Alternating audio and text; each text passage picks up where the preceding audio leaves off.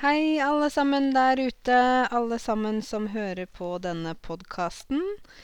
Eh, det har jo vært vinterferie for meg forrige uke, og da eh, fikk jeg ikke laget podkast eh, egentlig så veldig fort, så derfor kommer denne podkasten nå egentlig for forrige uke. Det var vinterferie i eh, Akershus, der jeg jobber. Jeg bor i Oslo, men jeg jobber i Akershus. eh, og der var det vinterferie. Og egentlig, som jeg sa til dere i forrige podkast, så tenkte jeg at jeg skulle dra til Egypt. Men så ble det bare stress, eh, fordi jeg er ikke så veldig glad i sånne nattfly og sånn. Syns det er veldig kjedelig. Så derfor bestemte jeg meg for å ta en eh, ferie i min egen by, som er Oslo. Um, og egentlig er det veldig fint også å ha uh, ferie hjemme. Altså i hvert fall lite grann. Man trenger ikke alltid å reise et annet sted. Eh, jeg var mye sammen med venninner, og på tirsdag så var jeg på spa igjen. Nå høres det ut som jeg er på spa hele tiden, og det er jeg absolutt ikke. Men det har vært eh, tilfeldig at jeg var på spa i januar, og at jeg nå var på spa igjen. Jeg var på et sted som heter The Well. The Well, som på norsk betyr brønnen. Brønnen er jo der man hentet vann i gamle dager, når man ikke hadde vann i huset, ikke sant. Så måtte man grave etter vann og finne vann i bakken. Da hadde man ofte en brønn. Men dette spaet heter da The Well. Og det er eh, bygget av eh, en som vi kaller for Rimi Hagen. Eller, eh, ja. Det er han som startet Rimi, hvis det noen av dere husker, husker det. Rimi var en sånn matvarekjede som nå ikke finnes lenger, tror jeg. Han heter Stein Erik Hagen egentlig, men vi kaller han bare for Rimi Hagen, for han er kjent for eh, Rimi, da. Så eh, det spaet ligger på Kolbotn. Kolbotn er ca. 20 minutter utenfor Oslo. Eh, dersom man skal være på det spaet så altså Man kan ikke sove der, for de har ikke hotell. Men man kan sove i Oslo, og så går det gratisbusser til det, dette spaet. Ehm, for eh, snart tre år siden så åpnet han dette spaet. Det er litt sånn rart å si spaet, men det blir jo det, da. Et spa. Spaet. Spaet. Ehm, og det hadde blitt bygget for 300 millioner kroner. Du vet når du, når du er milliardær, ikke millionær, men milliardær, da har du så mye penger at du kanskje ikke vet hva du skal gjøre med alle pengene. Så han Rimi Hagen bygget dette spaet i eh, 2015, eller åpnet i 2015. Og mm, det er et fantastisk sted. Jeg var litt skeptisk til å gå dit først og fremst eh, fordi Rimi Hagen har bygget det. En mann med mye penger og opptatt av luksus, og han er opptatt av fine hus, fine biler, ikke sant. Han har mye penger. Når du har eid en eh, matvare... en butikkjede, da, så er det klart at du sitter igjen med mye penger. Men eh, jeg ble positivt overrasket. Jeg var der sammen med en venninne, og vi dro på en tirsdag.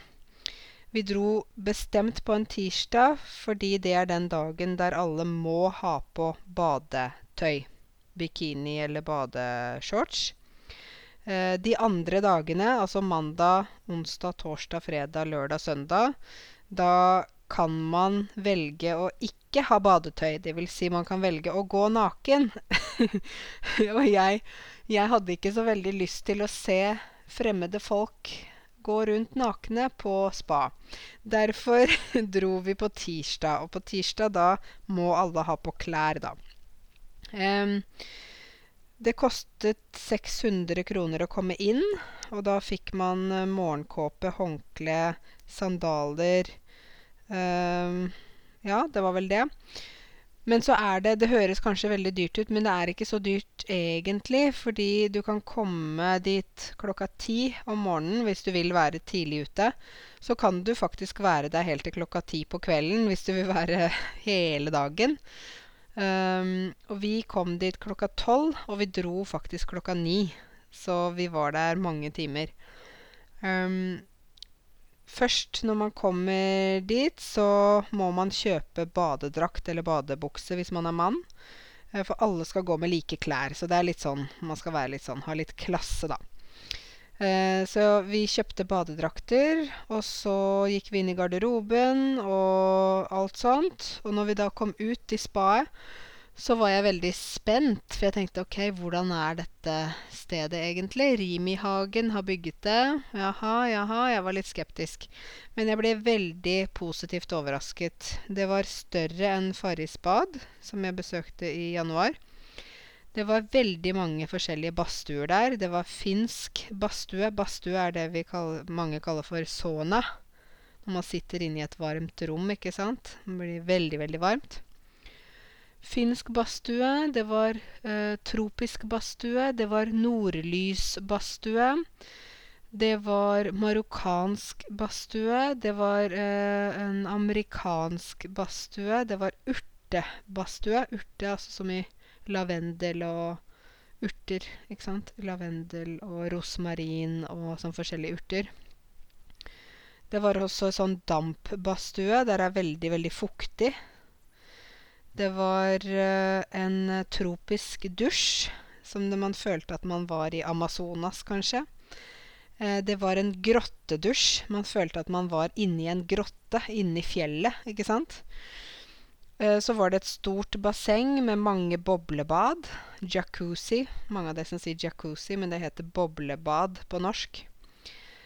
Og så var det oppe var det japansk meditasjonsrom, yogarom, japansk badstue. ute, ikke sant, dere vet jo hvor kaldt det er nå. Nå er det 27. februar, og det er så kaldt at vi nesten fryser rumpa av oss. Vi sier det på norsk å fryse rumpa av seg. Jeg jeg frøys nesten rumpa av meg her om dagen.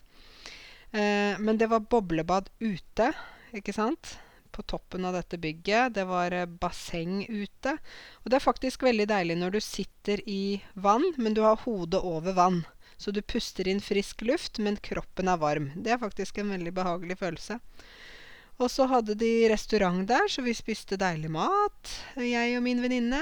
Og dere vet, damer, de kan jo prate hele dagen. Det, de, det er som en pratemaskin. vi sier jo at hvis vi putter på en krone ikke sant? Hvis noen putter på en krone på meg, da kan jeg snakke til i morgen. og hvis noen putter ti kroner på meg, som, en, som jeg, om jeg var en maskin, da Hvis du putter ti kroner på meg, da kan jeg snakke resten av uka. Så jeg og min venninne, vi snakka jo hele dagen og svømte og tok badstue og inn og ut og inn og ut av forskjellige badstuer. Så når vi kom hjem, da var vi veldig slitne. Veldig trøtte. Men det var Jeg kan absolutt anbefale dere å dra på The Well. man må ikke spise der. Man må ikke ta massasjebehandlinger og sånn. Man kan simpelthen bare være på spa. Og det man får veldig mye for pengene, mener jeg, da. og hvis du vil overraske kjæresten din, eksempel, så er det også veldig hyggelig, da, med for eksempel å dra på The Well som en overraskelse.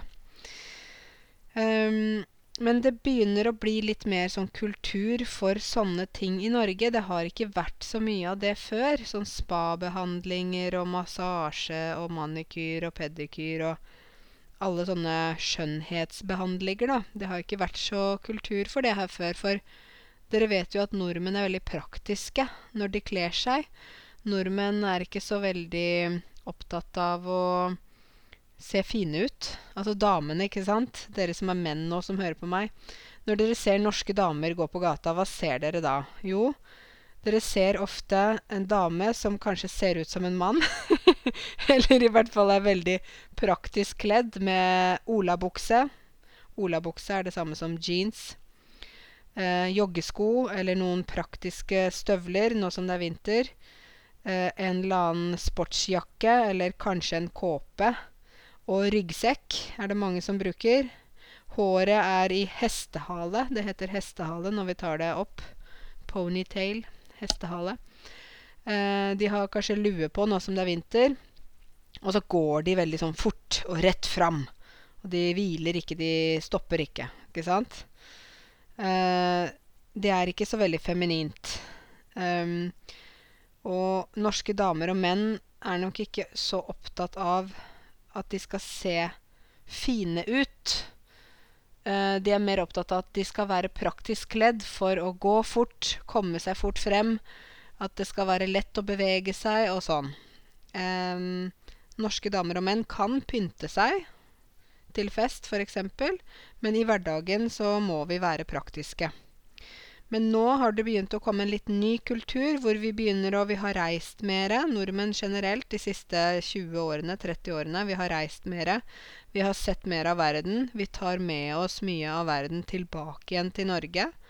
Derfor har vi restauranter fra mange land nå. Derfor lager nordmenn eh, mat fra forskjellige land, som vi da ikke har gjort før. Um, og det er f.eks. kommer ting som spa, hammam det kommer sport, aktiviteter som vi ikke har gjort før. Ikke sant? Det blir mer sånn uh, internasjonalt, da. Jeg husker bare da jeg vokste opp, så var det ingen av oss som spiste i familien som Vi spiste aldri indisk mat eller thaimat. Vi hadde ikke sushi. Um, vi hadde Det vi hadde, det var vel fra Europa, det som var av uh, mer sånn uh, utenlandsk mat. Jeg husker eh, mamma pleide å lage moussaka, gresk moussaka. Vi hadde lasagne fra Italia, og mye sånn italiensk mat, egentlig. Pasta, pizza um, Ja, lasagne, sånn type ting. Vi hadde amerikansk type mat, altså hamburger, pizza, pommes frites, altså chips, sånne ting. Um, vi hadde litt fransk mat. Raclette, husker jeg. Sånn ost. At man smelter sånn ost og sitter, uh, sitter sammen med det. Fondue. Ja.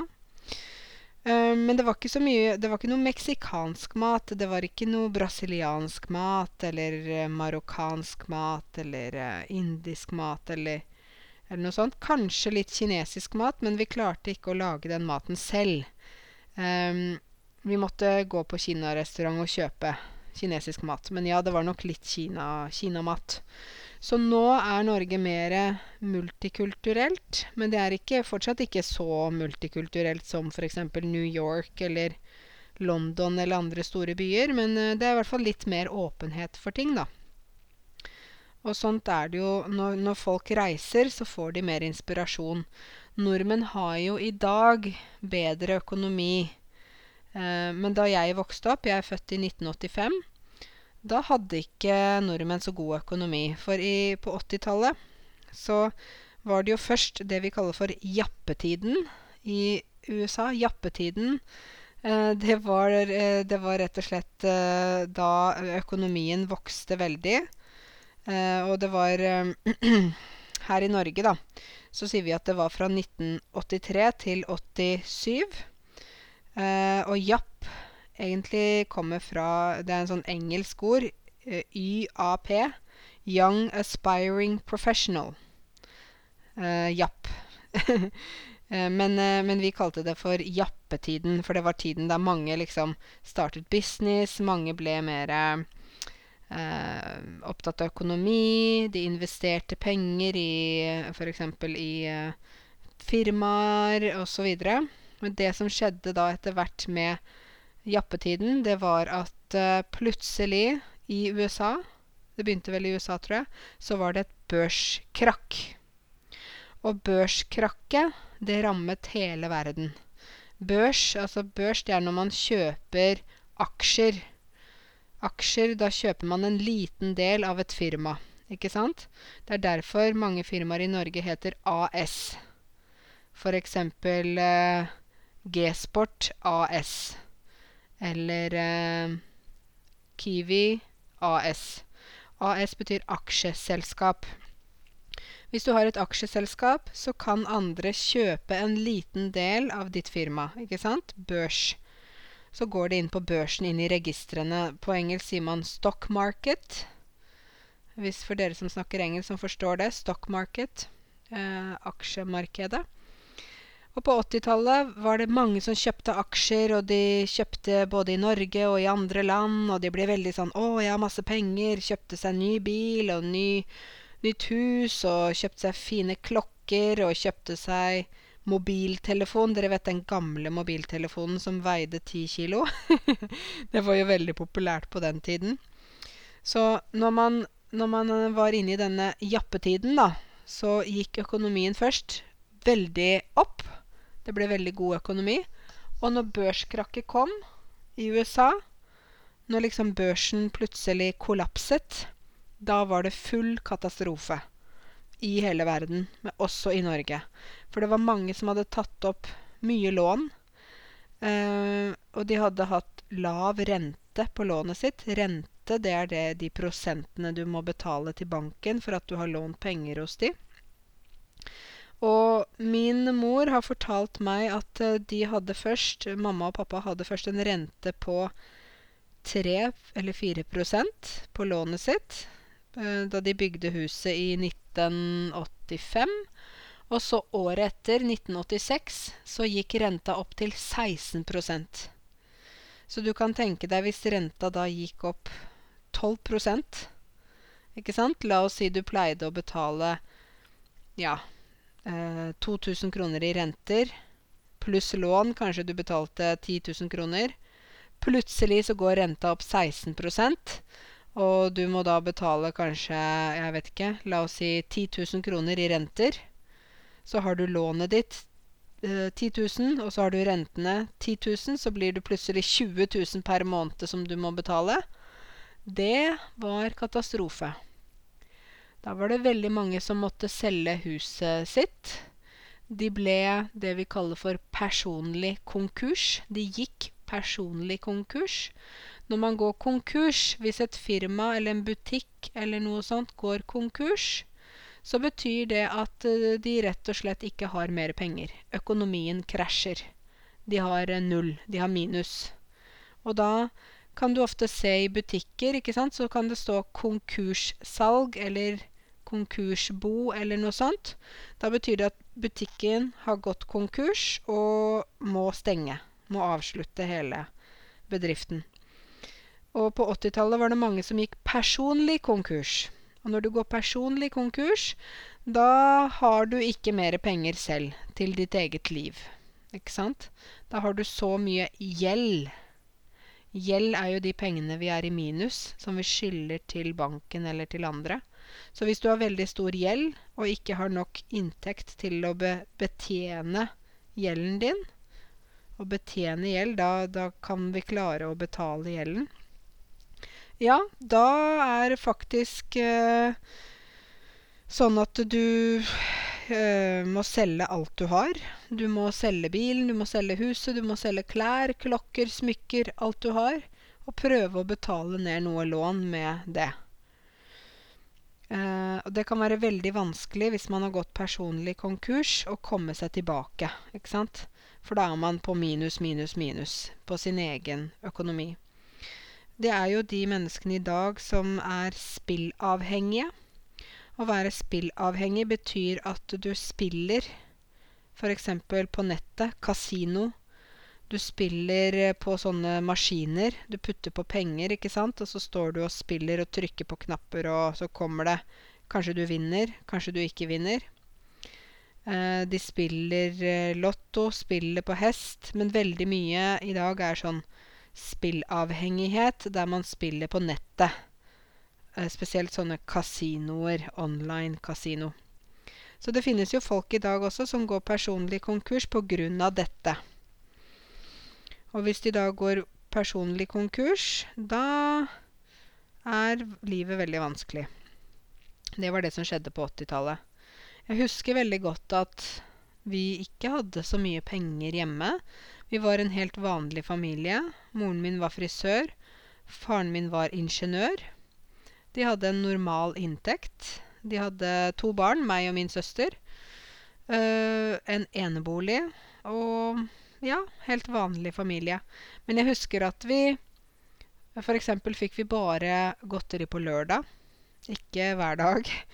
Um, vi måtte spare til å kjøpe klær, husker jeg. Um, jeg husker at uh, mamma og pappa uh, hadde mange regninger å betale, og de snakket om det, at dere må være forsiktige med penger, og dere må lære dere hvordan man skal håndtere økonomien sin. Så de lærte oss ganske tidlig at vi må spare, vi må sette av penger, vi må sant, gjøre sånne ting. Og det var jo veldig, egentlig veldig fint å se at uh, vi kunne lære mye da, i den perioden da det var vanskelig her. Og så Poenget mitt med dette er at økonomien, norsk økonomi har sakte, men sikkert Det er et uttrykk på norsk.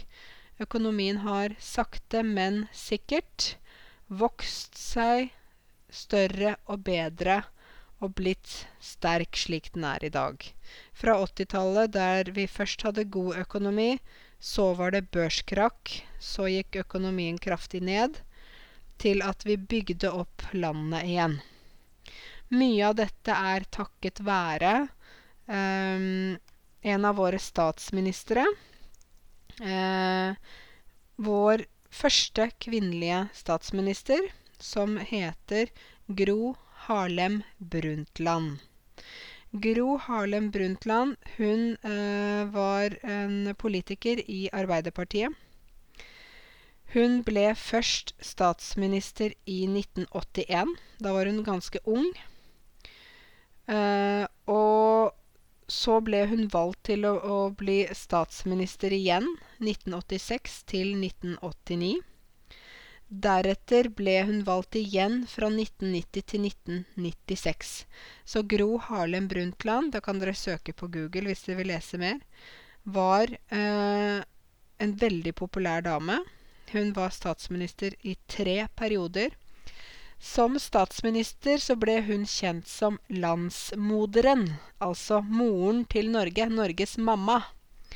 Og det var fordi hun tok veldig eh, ansvar for uh, hva som skjedde med økonomien.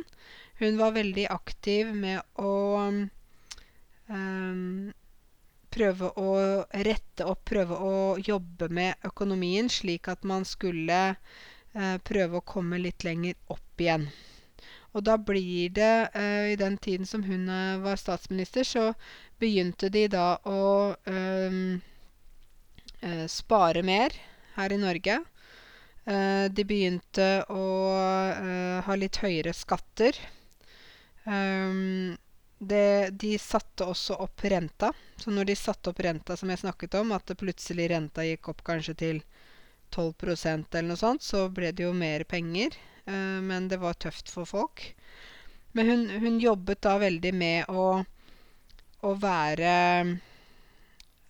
hva skal vi si nøktern. Vi kaller det for nøktern. Å være nøktern, da er du Du kontrollerer pengene. Du prøver å spare. Du prøver å være forsiktig med pengebruk. Og dette gjorde at uh, vår økonomi etter hvert ble bedre og bedre. Uh, Arbeiderpartiet er jo kjent for kanskje at de innfører en del skatter, og vil gjerne at vi skal betale mer skatter. Høyre og Frp, spesielt Frp, vil gjerne at vi betaler mindre skatter. Men det var nødvendig å betale mer skatter på 90-tallet f.eks. For, for å bygge økonomien til Norge og komme på et bedre nivå. I dag har vi en veldig sterk økonomi. Det er av oljepengene, ja. Eh, det er også av velferdsstaten vår som vi har bygget opp. At vi har et system der alle som jobber, betaler skatt. Og disse skattepengene blir da fordelt ut til folk, slik at eh, de som trenger utdanning, får gratis utdanning. De som trenger hjelp på sykehus, får gratis f.eks. operasjoner. Vi fikser veiene med skattepengene våre. Uh, vi har uh, sikkerhet, lov og orden, politi. Vi har mange statlige ansatte, f.eks. lærere, eh, sykepleiere, leger Ja, sånn at eh, nå har vi en stødig økonomi. Eh, men økonomien vår er samtidig truet. At økonomien er truet, det betyr at det er fare for at den kan at det kan gå dårligere, da, eller at det kan gå nedover. Um, for å forklare litt nærmere at økonomien er truet Dere vet mange dyr. Vi har jo mange dyr i verden. Og noen dyr er veldig vanlige, sånn som f.eks. kuer og kyllinger og sånne ting. Men noen dyr er det ikke så mange av. F.eks. Eh, bjørnen i Norge. Vi har ikke så mange bjørner. Så bjørnen er litt truet. Vi har gauper i Norge. Gaupe er som en stor katt. En beige katt ser litt ut, ut som en eh, leopard. Gaupe er en ja, stor katt. Gaupe har vi ikke mange av i Norge, og gaupen den er truet.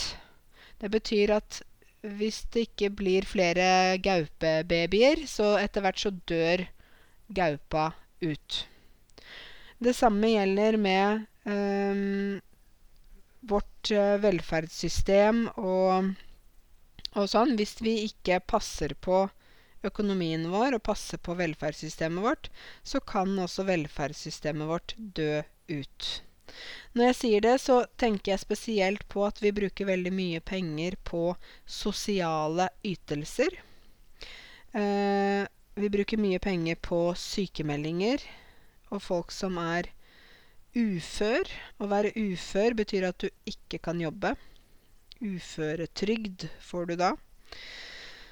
Uh, og det er uh, mange som uh, får dagpenger, arbeidsavklaringspenger, sosialhjelp, sykepenger osv. Og, så og mye av våre skattepenger går til slike sosiale tjenester.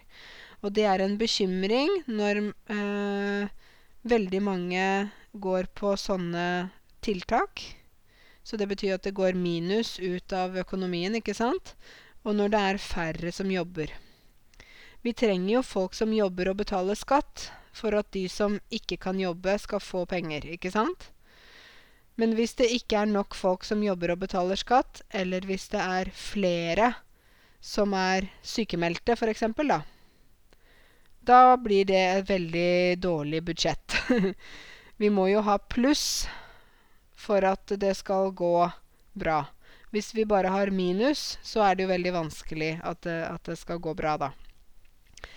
Så jeg tenker at det er veldig viktig også at, at vi har respekt for den velferdsstaten vi har bygget opp, og at vi prøver å passe på den velferdsstaten. At vi beskytter støtter det systemet vi har.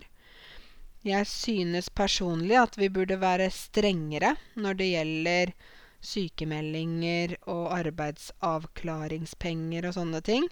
For uh, jeg har selv jobbet på Nav før. Det tror jeg fortalte dere i en annen podkast. Jeg jobbet jo med folk som hadde bodd veldig lenge i Norge. Da snakker vi om 20 år, kanskje. Og som ennå ikke, ikke var på A1-nivå. Altså, de hadde aldri klart å høre på denne podkasten og forstå hva jeg sier. Um, og det at folk kan gå så lenge i, i, Nav, eller i det systemet vårt, uten å bli presset eller tvunget til å jobbe, det er bekymringsfullt. Bekymringsfullt betyr at det er mye bekymring rundt det. Jeg tenker at uh, vi trenger eh, folk som jobber. Vi trenger folk som bygger landet vårt. Men vi trenger også et strengere system som gjør at folk ikke kan gå på Nav i mange, mange, mange år. Ikke sant? Jeg syns det er helt ok å gå på Nav i en periode dersom man trenger det. Og hvem vet, kanskje jeg også må gå på Nav en dag hvis jeg ikke har jobb eller noe sånt. Men da tenker jeg ok, det er greit, for jeg har jobbet i alle år. Jeg har betalt min skatt. Jeg har hjulpet systemet mye, og nå er det min tur til å få eh, litt ekstra hjelp. Og det er helt ok. Men det er ikke ok når folk går år etter år etter år øh, og får penger uten å kanskje være så aktiv selv.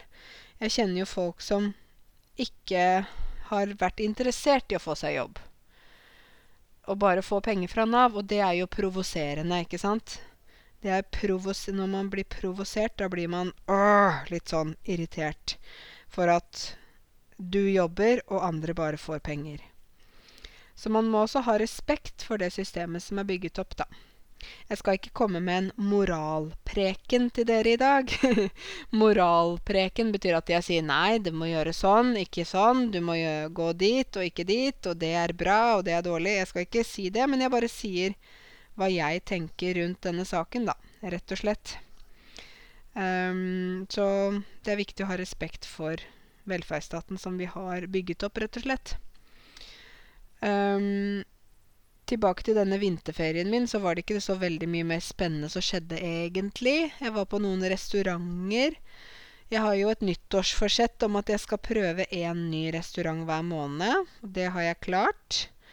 Jeg var på The Thief. The Thief er et sånn hotell som ligger på Aker Brygge, eller Tjuvholmen.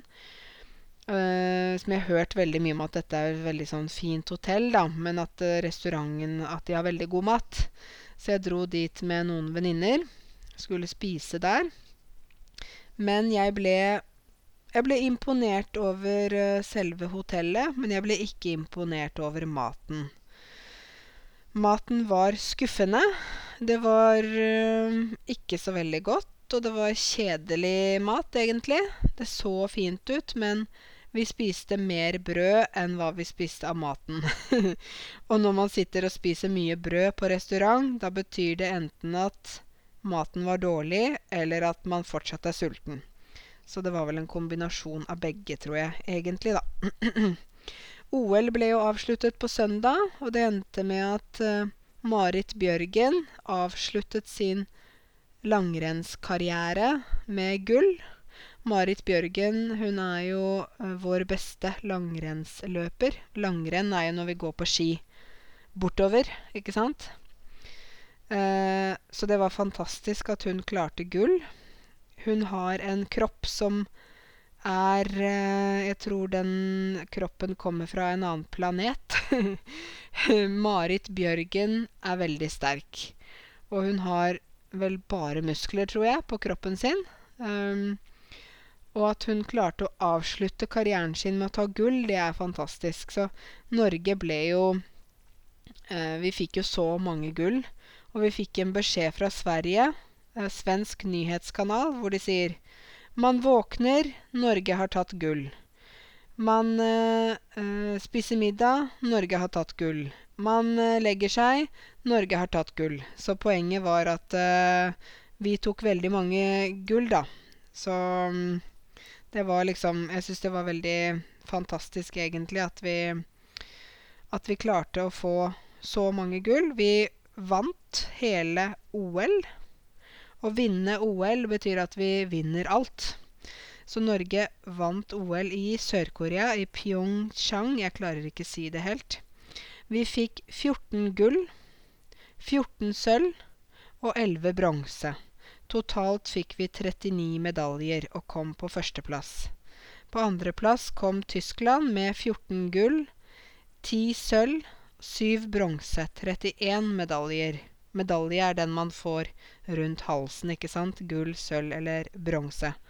Men vi fikk jo åtte medaljer eh, mer enn eh, en Tyskland. Eh, så det var jo egentlig det vi kaller for en overlegen seier. En overlegen seier betyr at vi absolutt vinner. Det er ikke sånn at det er nesten kanskje den andre som vinner. Nei, vi vinner helt alene. Canada kom på nummer tre. USA på nummer fire. Nederland nummer fem. Sverige nummer seks. Sør-Korea nummer syv. Sveits nummer åtte. Frankrike nummer ni. Østerrike nummer ti, osv. Så, videre.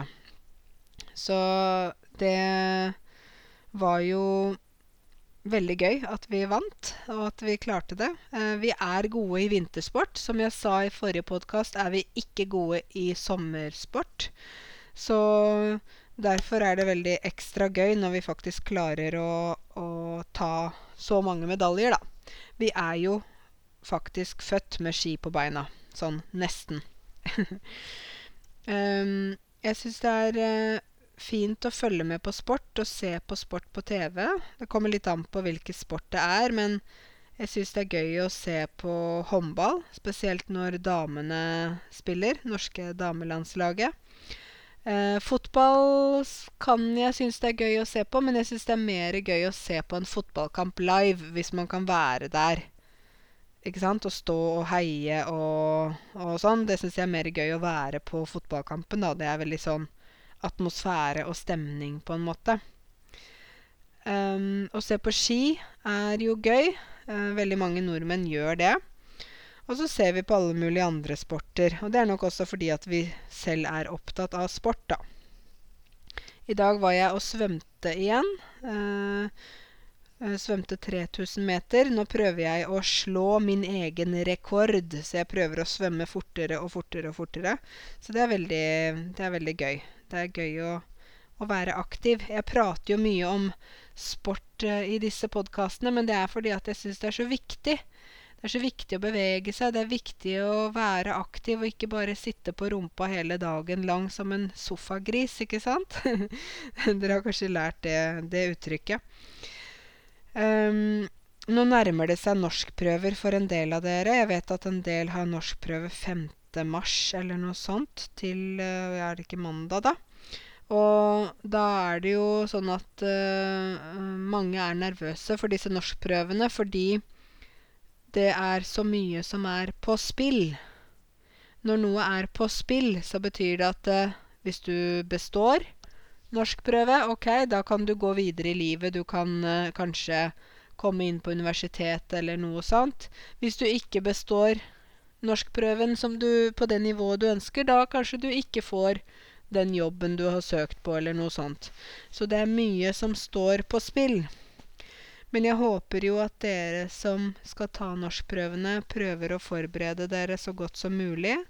Jeg lagde en video her om dagen om programmer du kan se for å lære norsk. Den ligger på YouTube-kanalen min.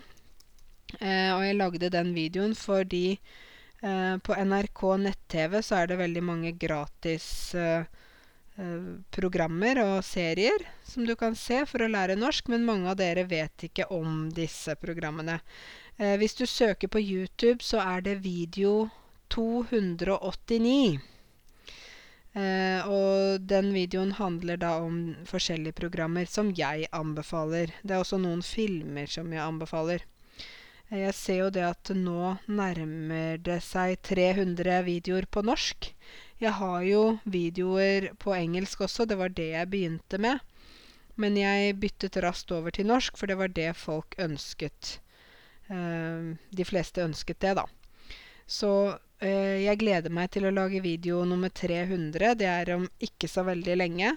Uh, tiden går fort. Jeg har jo nå hatt denne YouTube-kanalen i over et år.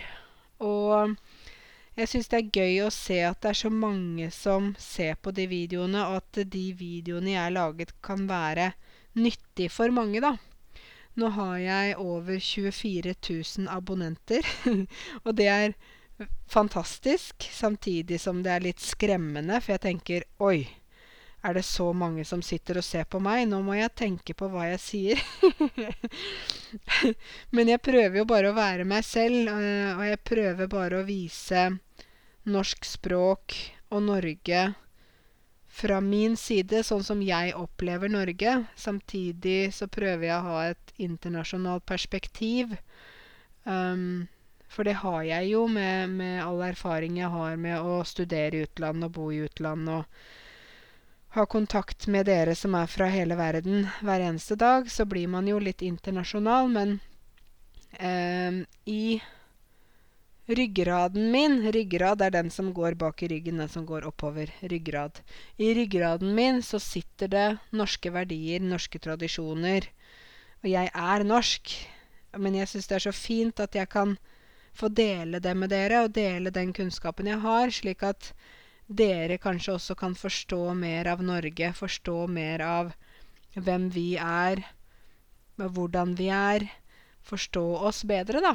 Og jeg tenker hvis jeg kan hjelpe dere som eh, bor i Norge, eller som ønsker å flytte til Norge, hvis jeg kan hjelpe dere med å lære om Norge og lære om ting som kanskje ikke står i bøkene, og hvis jeg kan heve nivået på norsk Og heve nivå betyr at man går opp i nivå. Hvis jeg kan heve nivået på norsken til alle de som har flyttet hit, alle dere, så føler jeg at jeg har gjort en god jobb, og da da kan jeg være både stolt av meg selv, samtidig er jeg stolt av dere fordi dere lærer. Og så blir det på en måte bare mye bedre, da. Det blir kanskje bedre og lettere å bo her også, bedre å å forstå systemet, enklere å følge hvordan ting er, og hvordan det ikke er. det er lettere for dere å kanskje unngå misforståelser. For det er jo veldig kjedelig når man misforstår ting på et språk hele tiden, eller man misforstår en kultur. Og jeg ser at mange av bøkene som finnes, ikke sant, På vei, Stein på stein, hva heter de, Norsk nå, Én, to, tre, norsk, Her på berget, God i norsk Hva heter alle disse bøkene, da? Ja, det er så mange bøker. Men jeg ser at mange av de bøkene er veldig overfladiske. Overfladisk, det betyr bare noe på toppen. Hvis vi ser på overflaten av havet, ikke sant, så ser vi bare noe. Og så hvis vi ser under vannet, nedover, nedover, nedover, så ser vi mange andre ting. Så jeg syns at en del av bøkene er ganske overfladiske. Og da er det ikke så lett å lære om kanskje det som egentlig er viktig, eller det som egentlig er kulturen, da. Så jeg håper at jeg kan hjelpe dere med det og bidra til at dere hever nivået på deres egen norsk. Det er et mål jeg har, da. Så får vi se, da, hvordan det blir. Men men jeg gjør mitt beste, i hvert fall. Og det ble en lang tale.